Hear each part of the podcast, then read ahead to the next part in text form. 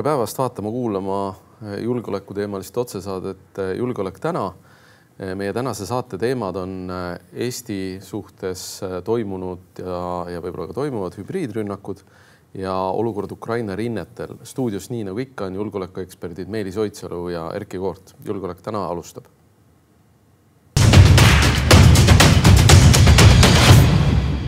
nii, enne kui me lähme teemade juurde, vaatame üle korra äh, tavapärase äh, programmi, et äh, mis on toimunud Eestis ajaloos nendel päevadel ja, ja mis maailmas, et alustame nädala algusest, kuueteistkümnendast oktoobrist tuhat üheksasada kolmkümmend kaks toimus Tartus äh, suur massikaklus Eesti Üliõpilaste Seltsi ja korporatsioon Sakala liikmete vahel. süvariik kakles omavahel. süvariik. Äh, kaks tuhat kaks äh, alustas tööd Tartu vangla, millest me hiljem ka natukene räägime. seitsmeteistkümnendal veebruaril tuhat üheksasada kaheksa avastas toonane Venemaa peaminister Pjotor Stolõpin et Venemaa mõju Balti kubermangudel on väga väike ja selle tõttu alustati siis Venemaal eh, eh, Balti kubermangude venestamisprotsessi väljatöötamise uut järku. kahekümne kuuendal aastal toimus Tartus ka üks massikaklus korporatsioonide Kungla korporatsioon Ugala liikmete vahel, kus välja toodi ka lausa tulirelvad. selle tulemusena korporatsioon Kungla likvideeriti ja selle Äh, siis liikmed heideti ülikoolist välja. Äh, kolmekümne neljandal aastal algas protsess äh, Rakvere-Paide rahukogus Balti vendluse liikmete üle. Balti vendlus oli, oli niisugune organisatsioon, mis püüdis natuke reinkarneerida ordu aegu. liikmed nimetasid ennast vendadeks, olid konvendivennad, olid ja, ja tegemist no, oli kõlas sihukese..., kõlas nagu geiklubi rohkem. ja võib-olla ka seda, aga, aga tollel ajal nende eesmärk siis oli nii-öelda Balti sakslaste mõju taastamine Baltikumis. Need tegutsesid ka Saksamaal ja kuuskümmend protsenti liikmetest, just juhtivatest liikmetest olid kuulunud kas Landersveri või Balti pataljoni, eks, mida me mäletatavasti võitsime Äh, äh, Saksamaal likvideeriti see ühendus kolmekümne kuuendal aastal ja Eestis siis äh, selle liikmed mõisteti süüdi kolmekümne seitsmendal aastal. et sada aastat, vähem kui sada aastat tagasi veel ordurüütlid tegutsesid ja, Eesti pinnal. Nad tegutsevad ka praegu, Malta ordurüütlid ja jumal teab, kes kõik veel. aga, ja üheksakümne kolmandal aastal toimusid volikogude valimised, et miks see oluline on, need olid esimesed iseseisvuse taastanud Eestis toimunud volikogude valimised ja tänasel päeval tuhat seitsesada kaheksakümmend kolm oli väga oluline sündmus, kus äh, Tartumaast eraldati uus kubermang Võrumaa, Võrumaa äh, keskusega Vana-Koiulas, Koiulas. Võru, Võrus. Võru separatismi tähtpäev. just, mitte algselt Võrus, vaid Vana-Koiulas. Äh, ja võib-olla sinu kui teatrikriitiku tähelepanu köidab, et tuhat kaheksasada kaksteist keelati Tartus teatri tegemine see keeld kehtis viiskümmend viis aastat, tuhat kaheksasada kuuskümmend seitse alles lõpetati see, see keeld. ja, ja maailmas tänasel päeval tuhat kaheksasada kuuskümmend üks Wilhelm Esimene kroonis ennast Preisimaa kuningaks tänases Kaliningradis, tolleaegses Königsbergis. tuhat kaheksasada kuuskümmend seitse liitus Alaska Venemaa asemel siis USA-ga ehk Alaskast sai USA osa ja Aserbaidžaan üheksakümne esimesel aastal kuulutas ennast Nõukogude Liidust iseseisvaks. niisugune äh, olulised äh, tähtpäevad ajaloost. Äh, võtame edetabeli. üks päris olulised sündmused on tegelikult viimasel ajal juhtunud, et Eesti teatas päris suurest kaitsehankest, et kakssada soomukit Türgist ja no Türgi kaitsetööstus on suur ja on otsinud pikalt ka Eestis sidemeid ja, ja noh, Eesti hangib eelkõige sõjalisele vajadusele vastavat parimat hinda ja ju siis türklaste käest see saadi.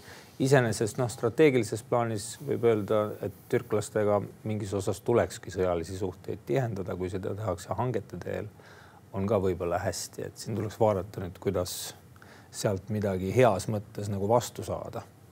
ja, ja Türgi soomukid on osalenud ka ju Ukraina sõjategevuses, mis tähendab, et, et noh, ilmselgelt või vähemalt ma loodan, et, et kaitseministeerium ja, ja hangete keskus ja kaitsevägi on ka vaadanud nende nii-öelda plussid-miinused üle Briti regiooni tuleb järgmine aasta kakskümmend tuhat Briti sõdurit, et jälle selline suhteliselt suur märgiline asi. Väga suur arv britte tegelikult siia, siia regiooni. siis sõdu, sõjaväest veel edasi minna, lõppesid ussisõnad, millel noh, nii nagu ikka esines ka seekord probleeme kohaletulekuga, eks Kaitsevägi ja Kaitseressursside Amet tegelevad sellega Läti sulges Venemaaga äh, mõned piiripunktid, äh, sest Venemaa äh, hakkas piirama, see on päris huvitav, Ukraina põgenike siirdumist Venemaale siis Läti piiripunktide kaudu ja Läti selle peale pani kinni siis oma piiripunktid, betoonplokid ette ja okastraat ka. endine Venemaa saatejuht Maria, Marina Ovsjannikova teatas, et teda on võib-olla mürgitatud, hiljem selgus, et vist ikka ei ole ta vist vahepeal jõudis ka väita, et ta ei ole ütelnud, et teda on mürgitatud. ja küll aga ta väitis, et tal oli hirmus paha ja ta võib olla mürgitatud. Ovsjannikova mäletatavasti oli siis see daam, kes Venemaal otse-eetris suure plakatiga ringi käis, väites, et või noh, kus oli siis kirjas, et teile, teile valetatakse ja, ja, ja peab tunnistama, et selle daami ümber on päris palju segast, et mille üle ei ole äh, lõplikku, lõplikku selgust, et, et mis, mis ajenditel ta siis tegutses, et kas tal olid tõesti äh, siirad äh, kavatsused või, või oli selle taga midagi enamat äh,. Iisraeli sündmused loomulikult on äh, jätkuvalt tähelepanu all äh,. suur äh, sõjategevus ilmselt Iisraeli piirkonnas viibib kuni või Gaza piirkonnas viibib, kuni, kuni Biden Iisraelist lahkub, eks Biden on täna Iisraelis, USA president siis. Iisraeli julgeolekujuht, Shin Beti juht teatas, et ta võtab isiklikult vastutuse rünnakute eest. On ka välja tulnud, eks, et Shin Bet tegelikult omas infot, seda alahinnati, saadeti piirkonda küll oma töötajaid, aga kümmekond nendest sai surma. Äh, loomulikult äh, noh, osa suutsid ka noh, midagi vastu tegevust teha, aga, aga mitte selles ulatuses, nagu oleks võinud äh, eeldada. Iisraeli probleem võib-olla nii julgeolekuasutuste kui üldse valitsuse probleem on see, et noh, et valmistuti selleks rünnakuks, mida arvati, et Hamas on suuteline läbi viima varasemalt oli viissada raketti kahekümne nelja tunni jooksul Hamasi poolt kõige rohkem lastud mm, -hmm. nüüd lasti esimeste minutite jooksul seal juba paar tuhat välja mm. -hmm. et äh, see on tüüpiline näide sellest, kuidas igasuguse kaitsemeetmega tuleb ründaja poolt kohandumine, et kui kaks tuhat üksteist hakkas Iisrael üles ehitama oma seda raudkuplit, siis nüüd on jäädud selle raudkupli alla liiga magama, noh, väed ja varustus mm -hmm. ei olnud seal piirkonnas siis, kui seda oleks vaja olnud. piir oli ka suhteliselt vähe mehitatud sellel hetkel. et pandi liiga palju jälle tehnoloogia peale äh, lootusi ja Hamas siis äh, noh, kalkuleeris enda jaoks välja, palju neil seda tulejõudu läheb vaja, panid veel varu ka selleks, et see mhm. süsteem üle mängida, nii et noh, et kui me räägime nüüd Ukraina puhul ka nende pikamaa-rakettide andmisest, et ja suurest edust, mis algselt on, siis me oleme näinud, et vastane kogu aeg kohandub. kohandub, igal juhul kohandub Äh, lisaks Shin Beti juhile on tegelikult ka teatanud mitmed kõrged ähm, Iisraeli äh, kaitseväe juhid, et äh, ka nemad tunnevad vastutust toimunul. samas poliitikute puhul selliseid avaldusi vähemasti veel ei ole olnud. poliitilisel tasemel on kõige olulisem vaadata, et sõjakuritegusid toime ei pandaks, kui need pannakse, siis ka nendest tuleb rääkida ausalt. selles mõttes oli võib-olla ennatlik näiteks meie president Iisraeli lipu tõmbas üles, eks ole, solidaarsuse märgiks alguses võis olla hea käik, aga kas me selle solidaarsuse kõrval suudame ka olla sirgeselgsed, et see on see küsimus, mis nüüd on. Enne seda eeldatavat maaväeoperatsiooni, mis saab olema midagi sellist, nagu oli, ma ei tea, Mosuli võtmine. ja see saab olema päris äh, verine, juba, juba praegu on see selge. Äh, automaks äh, on, päris mitu inimest on avaldanud arvamust automaksu teemal, äh, kuna Eesti Kaitsevägi on ka üles ehitatud äh, nii-öelda siis tsiviilkomponendi kaasamisele või, või vahendite rekvireerimisele, siis kui sul on kõik rohelised elektriautod, siis noh, suure tõenäosusega sa nagu sõtta ei lähe. et Eesti autoparki soovitakse muuta küll nii-öelda rohelisemaks, vähem võib-olla tsiivilikumaks aga noh, Ukrainas on näha, kui palju tegelikult väed sõdivad äh, just neid samu džiipe kasutades.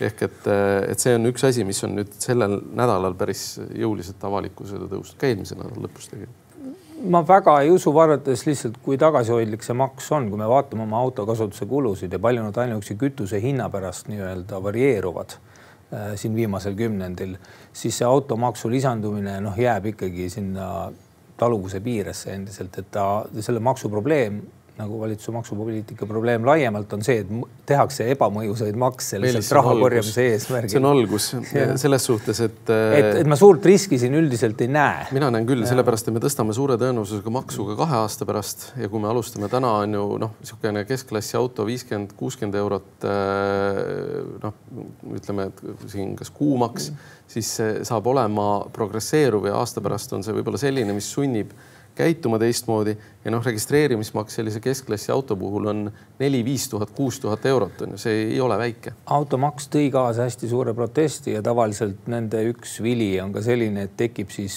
pigem tugevdub mingisugune nii-öelda subkultuur, antud juhul siis kastikate kultuur, ma pakun, tugevneb läbi selle, et elame-näeme. okei, äh, äh, natukene sinna Iisraeli juurde tagasi minnes, Kaitseliit lõi piirikaitseüksuse koostöös PPA-ga siis, mis äh, peaks tugevdama, äh, see oli vist lausa isegi Kaitseliidu piirimalev. et, et see on päris huvitav, kuidas noh, PPA on kümne aasta jooksul vähenenud kolme tuhande inimese võrra, kaasa arvatud piirivalvurite vähenemine. olukord on nii, nagu ta on, piir on välja ehitamata, vaatamata sellele, et kaks tuhat kaheksateist pidi ta juba valmis olema. noh, see on päris mõnes mõttes loogiline areng, teises mõttes on see, et et eh, noh, Kaitseliit on, Kaitseliidu piirivalvemalev on eh, vabatahtlik ja noh, päris sellist igapäevast riigi toimimist ainult vabatahtlusele üles ehitada ei, on keeruline. no mul tekib eelkõige küsimus, et kuhu nüüd on jäänud see räägitud kriisireserv, et miks siis seda ei ole nii-öelda piirikaitseks ka välja arendatud et.... Pole ju mingit kriisireservi tekkinudki. jah. või noh, on tekkinud, aga, väga väikses aga mahus. seda meil on võimalus ise siseministrilt uurida lähiajal. ja, ja viimase teemana sellest plokist äh, Riigikontrolli hinnang vanglasüsteemile, et kui me ennem rääkisime, et äh, sellel, selle nädala alguses äh, kaks tuhat kaks avati Tartu vangla, siis Riigikontroll ütles teatavasti sellel või eelmisel nädalal, et Eestis on üks vangla üle jah, ja seal on küsimus võib-olla selles, et kui meil siin aastast kaks tuhat neliteist on kinnipeetavate ehk klientide arv vähenenud kolmandiku võrra, aga kogu kulu teenusel on kasvanud kaks korda, siis tekib küsimus, et kas meil ei ole süsteem üledimensioneeritud ja kas neid vabanevat kümmekonda miljonit aastas, mis Tartu vangla sulgemisest tuleks kas neid ei peaks suunama näiteks ennetusse rohkem, et see noh, eks ole, kriminaalpoliitika küsimus, mida tuleks natuke laiemalt vaadata kui see, et kas vangid ilmtingimata peavad ühes või ühe, üksi või kahekesi kambris olema. aga, aga noh, ma loodan, et ajakirjandus ja usun, et ajakirjandus seda teemat lähiajal ka kajastab, see on huvitav case, tasuks lähemalt uurida, kuidas ja. riik otsuseid äh, teeb. Samost ja Aaspõllu peaaegu igas saates käsitlevad seda vangla, vangla teemat, et äh, ei teagi, mis neil selle, sellega. ei tea, aga avalikus teenistuses on selle kohta, kui Tallinna vangla juba tehti, nii suurelt kui ta tehti, oli küsimusi, et noh, prognoosid ütlesid siis juba midagi muud, eks Vastab ole tõele vastab tõele. aga eh, tõmbame selle saate osa kokku ja liigume esimese ploki juurde.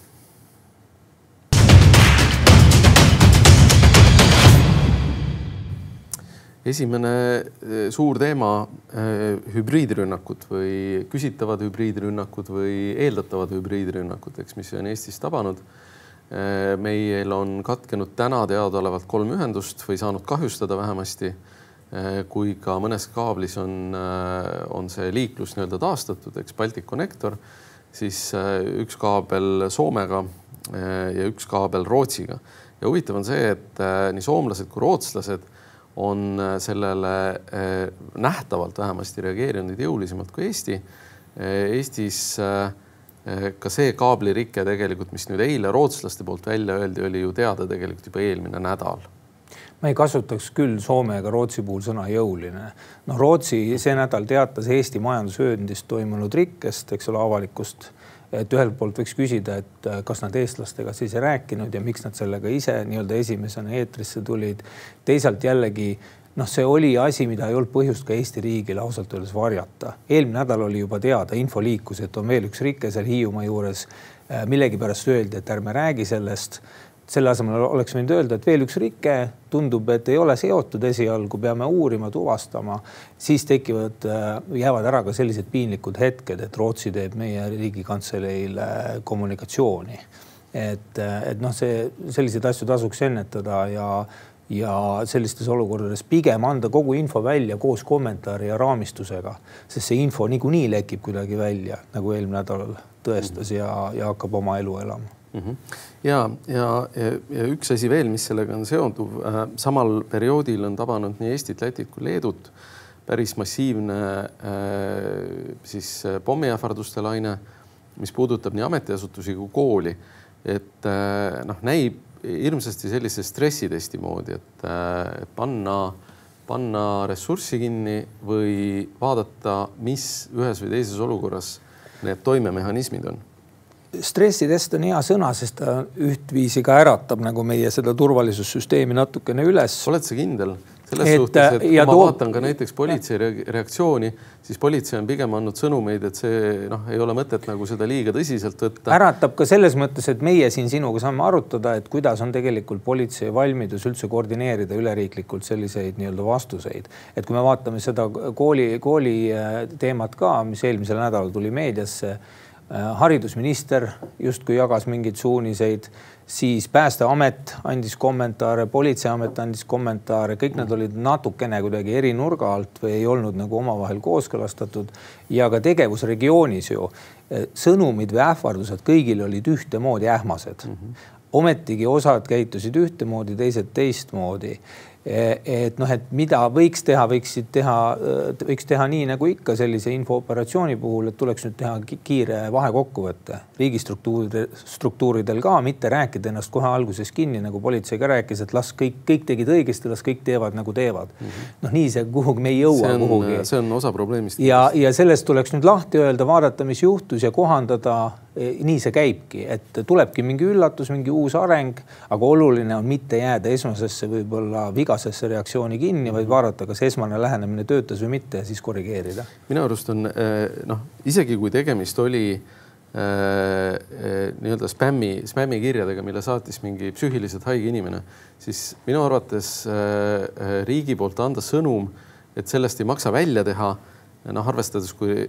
räiged need ähvardused olid noh, riik peab jätma mulje, et ta tegutseb ja ka päriselt tegutsema, sellepärast et äh, võib-olla meile tahetaksegi jätta muljet, et tegemist on mingisuguse psüühiliselt haige inimesega äh,, kes leiab järgimist. nüüd seda, mis on toimunud ka Vene sotsiaalmeedia platvormidel äh,, see ei ole enam nagu kontrollitav ja, ja see vihkamine, mis sealt paistab, on natukene noh, võib tuua paralleele sellega, mis mis juhtus, on ju Gaza piiri ääres Hamasi rünnaku korral.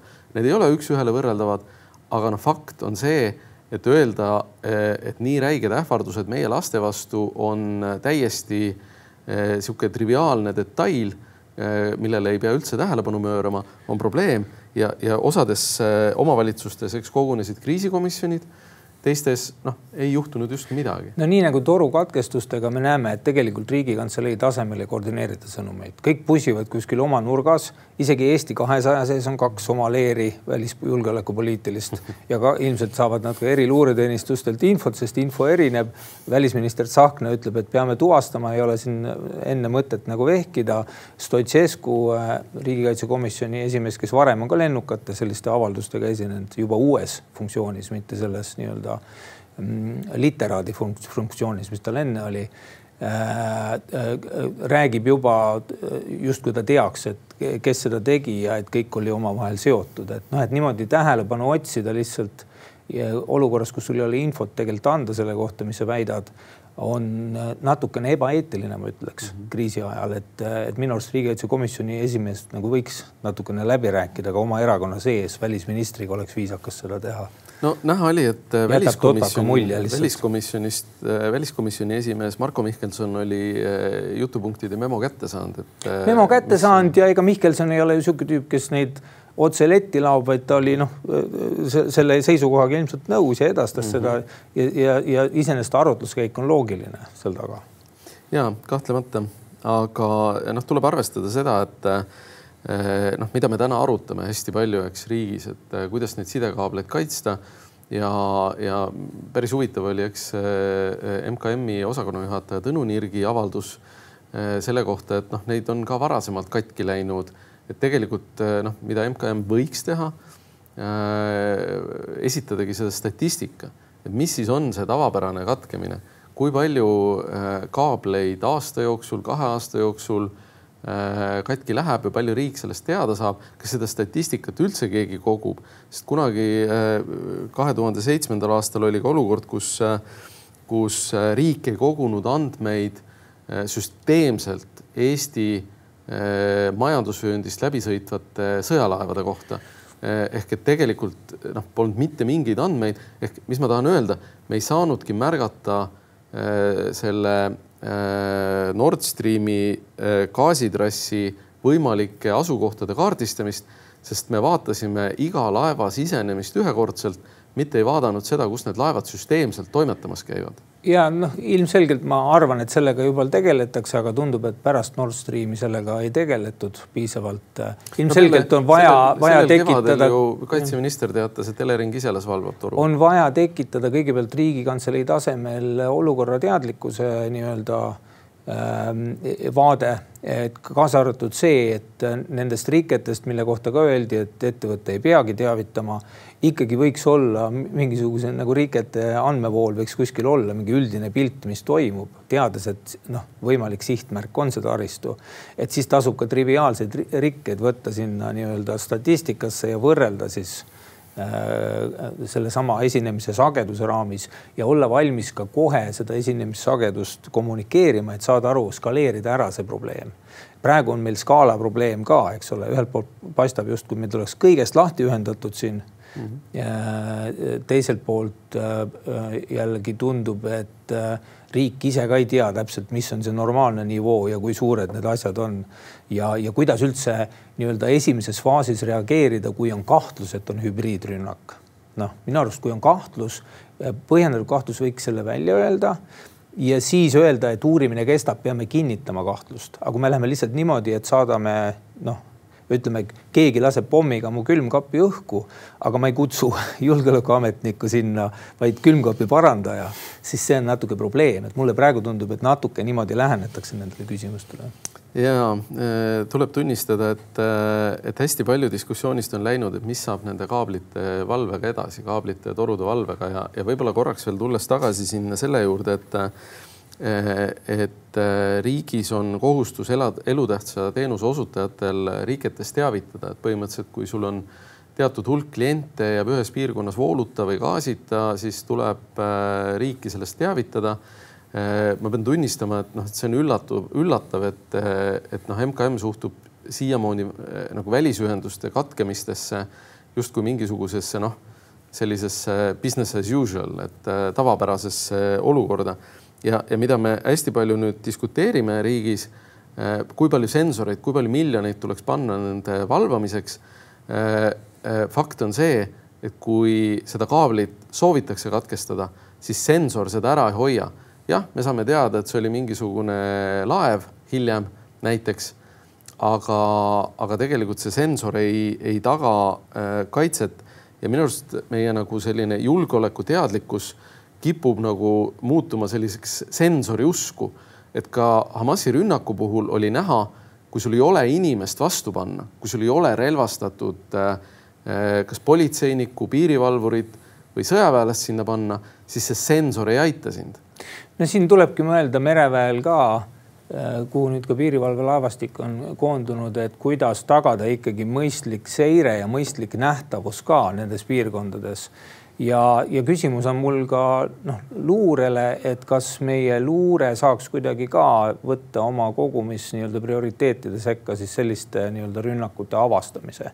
et, et noh, võiks, võiks nagu võtta, et iseenesest see on suhteliselt lähedane asi seda on võimalik osaliselt signaalluurega lahendada, noh, kasvõi lihtsalt mingit raadiosidet kuulates mõtelda tuleks nagu sellele, et mis see eelhoiatussüsteem tänane on, kui, kui hästi ta toimib, kui hästi on võimalik üldse seda eelhoiatusega lahendada.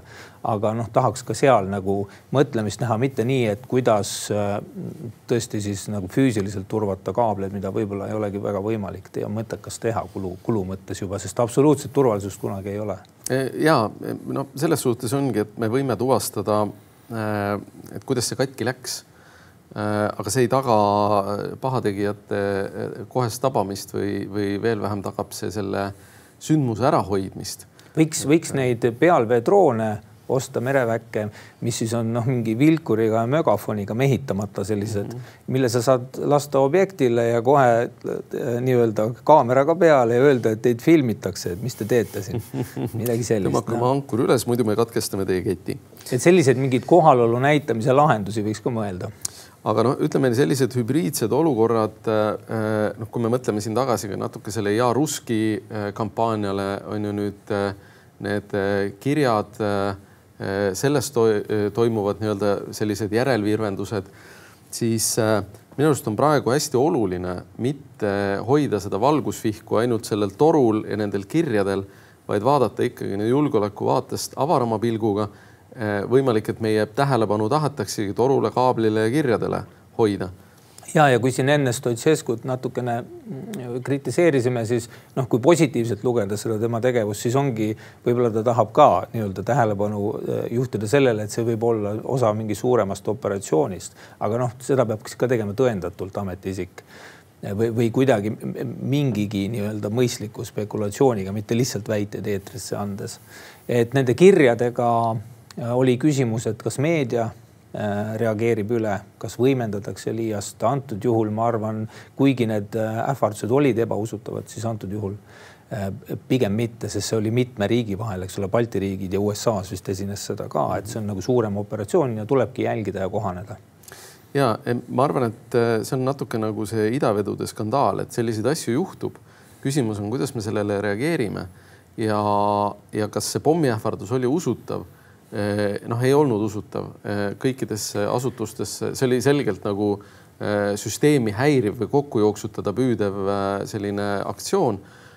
nüüd see rahvusliku viha õhutamine oli väga usutav ja see tegelikult Vene, Vene sotsiaalmeediakanalites ka võimendus ja tegelikult täitis oma eesmärki. ma kõlan võib-olla nagu Donald Trump, aga kas meil ei oleks aeg seesama Telegrami keskkond kuidagi kinni keerata. ma saan aru küll, et riik siin ei suuda isegi tagada seda, et inimesed ei vaataks edasi Vene kaabeltelevisiooni massiliselt, sealhulgas Narvas.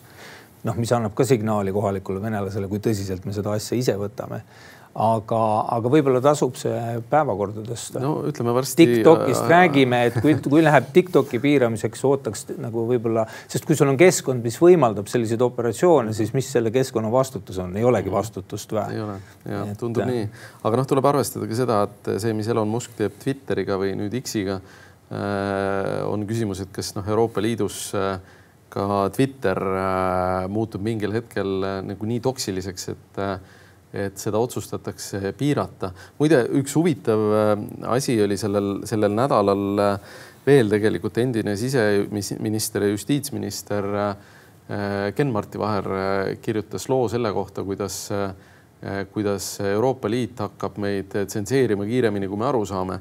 ma pean tunnistama, et see on väga kummaline avaldus. ka inimeselt, kes on ise Euroopas töötanud, teab, kuidas see süsteem toimib ja, ja see jutt oli seal noh, pehmelt öeldes noh, võib-olla mitte väga adekvaatne. mis erakonda ta kuulub? no ta kuulub Isamaa erakonda jätkuvalt ja, ja, ja mäletatavasti, kui me liitusime IRE, selle Euroopa Liiduga, siis kuulus ta Res Publicasse, kes Euroopa Liiduga liitumisel lubas rohkem seksikaid mehi. nii et selles suhtes peab tunnistama, et see. no Res Publica delegatsioon ise täitis selle, niimoodi, kui, selle lubaduse mõning, mõningal määral ütleme nii, et kui Reinsalu juhitud Isamaa on suuresti EKRE-st kaugenenud, siis natuke see Ken-Marti Vaheri artikkel tõi Isamaad jälle EKRE-le lähemale. aga tõmbame selle teema kokku, et, et meie oluline koht on jälgida, mis saab edasi ja mitte hoida nüüd taskulambi valgusvihku riigina ainult Äh, äh, nendel äh, taristukatkestustel ja, ja mitte hoida ka seda arusaama, et, et sensorite paigaldamine aitab meil kaablite katkestamise või, või taristu ründamise iga hinna eest ära hoida. aga vahetame teemat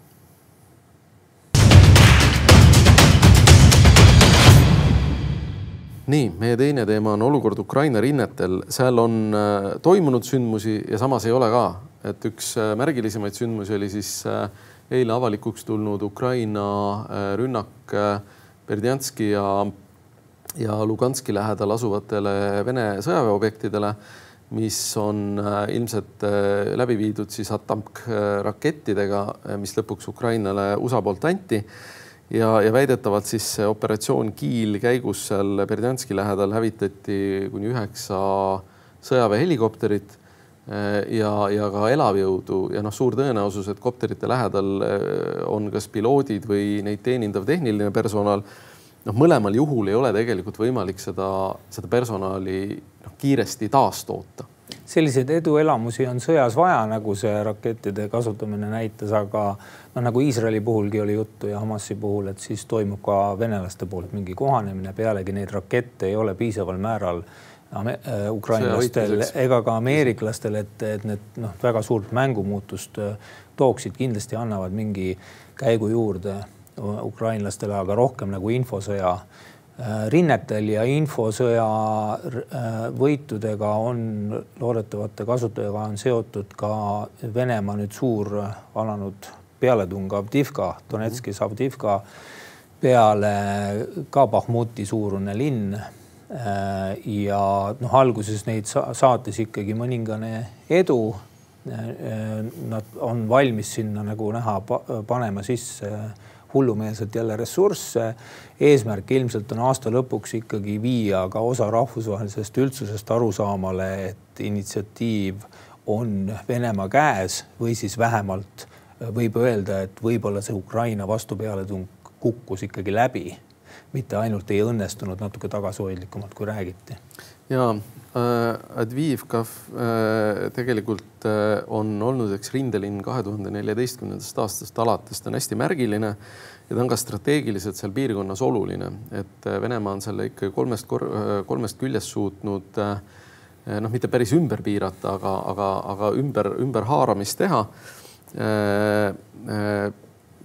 ta on äh, võib-olla isegi märgilisem kui Bahmut, et Bahmut oli, oli hästi pikka aega, eks väga-väga äh, räigete rünnakute all. noh, täna on ka eks küsitud, et kas selle hoidmine sellise hinnaga noh, tegelikult tasus ära.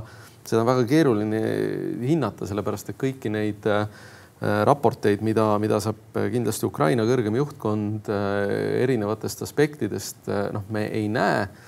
noh, fakt on see, et et äh, see, kui, äh, kui Ukraina väga pikka aega tagus seda trummi, kuidas me kohe tuleme peale, äh, mis tõstis küll ukrainlaste ja, ja noh, meie kui Ukraina toetajate sellist äh, usku Ukraina edusse, eks, mida me nägime eelmine aasta siis seal äh, Harkivi oblastis ja, ja Hersoni oblastis Äh, aga noh, venelasi sundis see noh, praeguseks on selge, et ehitama järjest rohkem ja kindlustatumaid liine ja see mõnes mõttes töötas niimoodi nagu, nagu venelased rääkisid hästi palju enne sõda äh, erinevatest äh, relvadest, millel pole lääne analooge, mis sundis läänt välja töötama nende analooge mitte omavate relvade vastast relvastust, mis selgub, et töötab väga hästi. ehk et, et Ukraina natuke langes samasugusesse lõksu ja, ja praegu see noh, takerdumine noh, natukene on selline noh, ütleme nii, et see, see pinna ettevalmistamine ja psühholoogiline töötamine noh, kahjuks töötas ka, ka, ka nagu selle pealetungi vastu. Ukraina luureülem on ütelnud, et kahekümne viienda, kahekümne kuuenda aastani kestab Venemaal seda praegust võhma noh, tõenäoliselt kestab pikemalt, kui on vaja, selles mõttes, et nad on selline ühiskond, kus äh, on suhteliselt lihtne üle investeerida.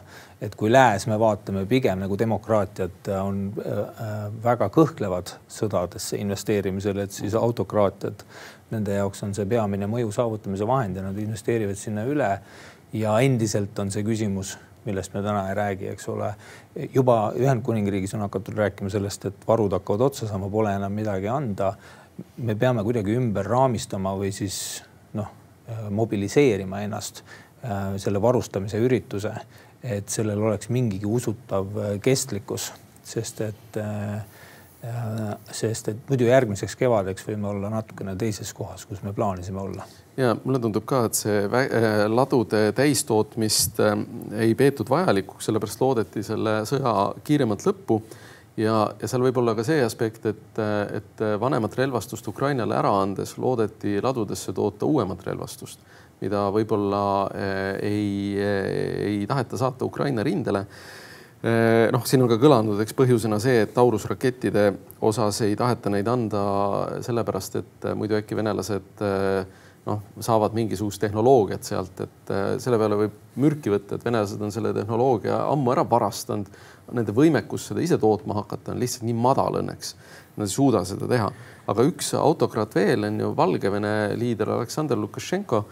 noh, me oleme ka siin saates korduvalt rääkinud Valgevene sõtta astumisest või mitte sõtta astumisest noh, see on tegelikult tänaseks täiesti, täiesti laualt maha läinud teema. mis sellest Wagneri ohust on saanud seal Valgevenes? no suures osas on wagnerlased ikkagi liitunud kas, kas operatsioonidega välismaal, Vene regulaararmeega, siis on need siis reduutid või mingisugused striimid või, või mingisugused muud sellised variväed ja, ja osa on kindlasti pöördunud tagasi oma kodukohtadesse ka, kus nad on pannud toime võikaid kuritegusid ja ja, ja selle eest, kas tulevahetusel sealse miilitsaga või vabandust, politseiga hukkunud või, äh, või äh, siis äh, noh, lugupeetud inimesed, lugupeetud jutumärkides inimesed kogukonnas.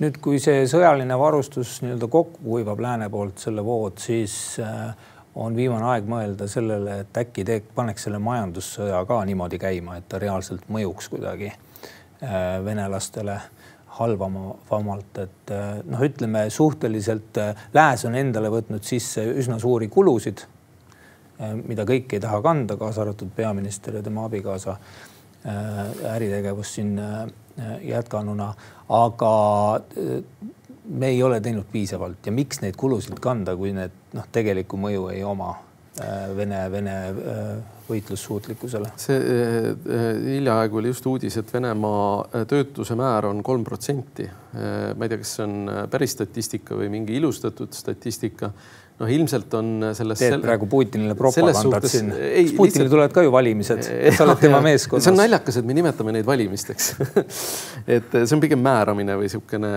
nagu mandaadi pikendamine, et mitte valimised, et. ma usaldan sind, sest sa lihtsalt... tead väidetavalt tema töötuse määra kohta. lihtsalt see kolm protsenti on, ühelt poolt võib tunduda, et ohoo, eks teiselt poolt on see, et Venemaalt on väga palju inimesi läinud lepinguliseks Ukraina sõtta, mis tähendab, et nad ei ole töötud täna haavata saanud ja invaliidistunud inimesed ilmselgelt ei ole töötuna arvel.